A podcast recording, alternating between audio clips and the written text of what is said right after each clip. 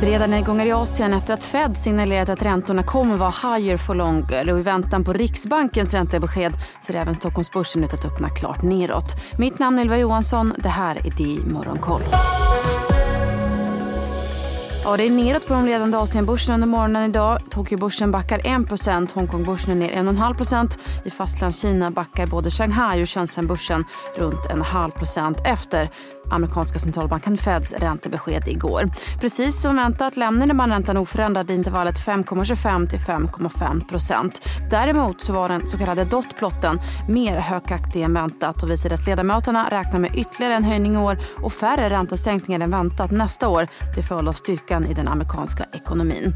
Dollarn stärks under morgonen mot flera valutor. Samtidigt har den amerikanska tvåårsräntan stigit till sin högsta nivå sedan 2006 och noteras nu i 5,17 procent. Även tioåringen har stigit och står nu i 4,43. Oljepriset faller däremot tillbaka idag som en effekt av att högre räntor väntas påverka tillväxten och därmed också dämpa efterfrågan på olja, rapporterar Reuters. Ett fat bräntolja kostar knappt 93 dollar fatet. De räntekänsliga techbolagen följer utvecklingen på Wall Street igår och backar på Hongkongsbörsen. Den krisande fastighetssektorn lyfter däremot efter nya stimulanser från Kina som ska underlätta för ett bostadsköp. Nu verkar det också som att utköpet av japanska konglomeratet Toshiba går igenom. Ett konsortium lett av Japan Industrial Partner har nu köpt drygt 78% av aktierna i bolaget vilket gör att man nu kan ta affären på 14 miljarder dollar i hamn. Toshiba som stiger svagt på Hongkongbörsen idag väntas avnoteras vid slutet av året. Och beskeden från Fed fick ju också de amerikanska amerikanska börserna på fall igår. Breda S&P 500 var ner 1 vid stängning och tekniktunga Nasdaq stängde 1,5% ner.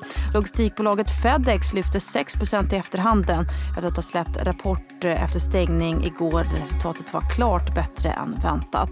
Samtidigt gjorde ytterligare ett bolag debut i New York. Denna gång marknadsföringsbolaget Clavio som lyfte 9% Arm och Instacart däremot backade. Arm som var ner 4% har nu backat tre dagar i rad och handlas nu strax över teckningskursen. Samma läge för Instacart som rusade 12% i premiären men som backade 11% igår. Och så till Sverige där säkerhetsbolaget Yubico som ju listades på Nasdaq First North igår tagit in 344 miljoner kronor genom en placering av nyemitterade aktier. Teckningskursen landade på 101 kronor per aktie vilket är en krona lägre än gårdagens stängningskurs. Och spelkoncernen Embracer skjuter upp sin kapitalmarknadsdag för att bättre anpassa den till bolagets omstruktureringsprogram. Kapitalmarknadsdagen skulle ägt rum nu under höstterminen men kommer istället inträffa under första halvåret 2024. Och hälften av de anställda på spelbolaget Mindark i Göteborg sägs upp och ersätts av AI.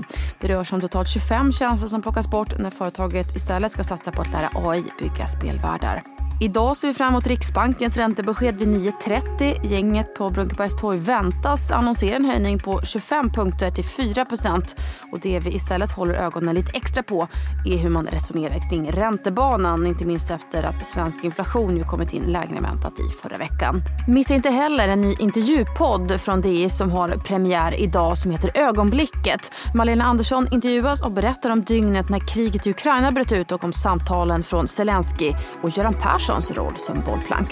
Mitt namn är Ylva Johansson. Du har lyssnat på DI Morgonkoll som är tillbaka igen imorgon.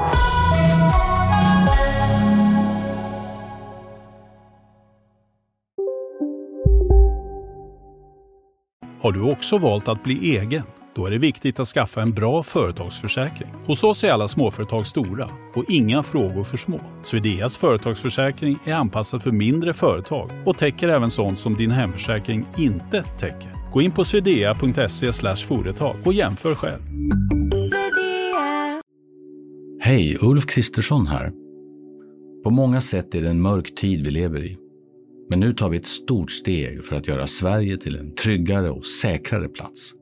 Sverige är nu medlem i Nato. En för alla, alla för en.